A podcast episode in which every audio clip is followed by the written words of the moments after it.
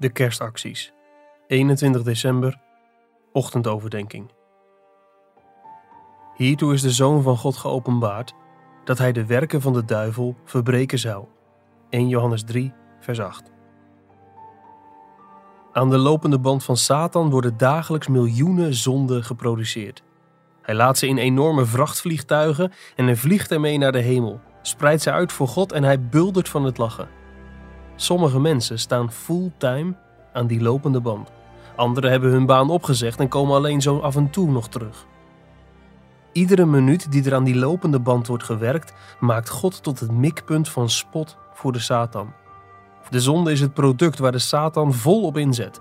Hij haat immers het licht, de schoonheid, de reinheid en de heerlijkheid van God. Niets geeft hem meer vreugde dan wanneer schepselen hun schepper wantrouwen en ongehoorzaam zijn.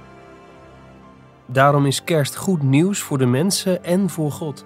Dit is een betrouwbaar woord en alle aanneming waard dat Christus Jezus in de wereld gekomen is om zondaars zalig te maken.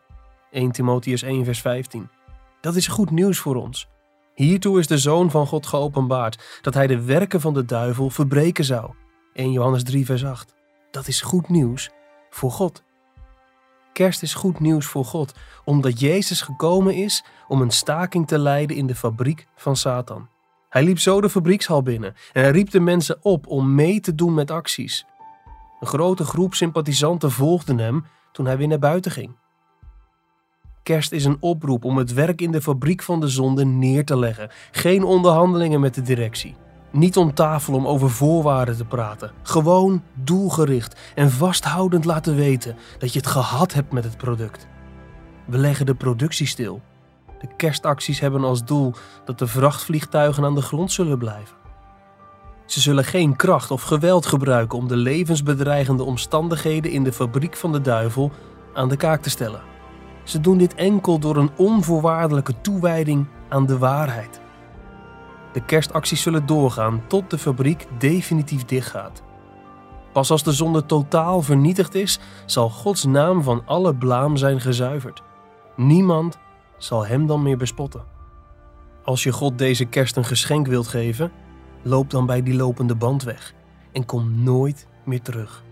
Neem je plaats in bij de stakingspost van de liefde. Sluit je aan bij de kerstacties, totdat de majesteitelijke naam van God is gezuiverd en hij omringd zal zijn door rechtvaardigen die hem de lof en de eer toebrengen.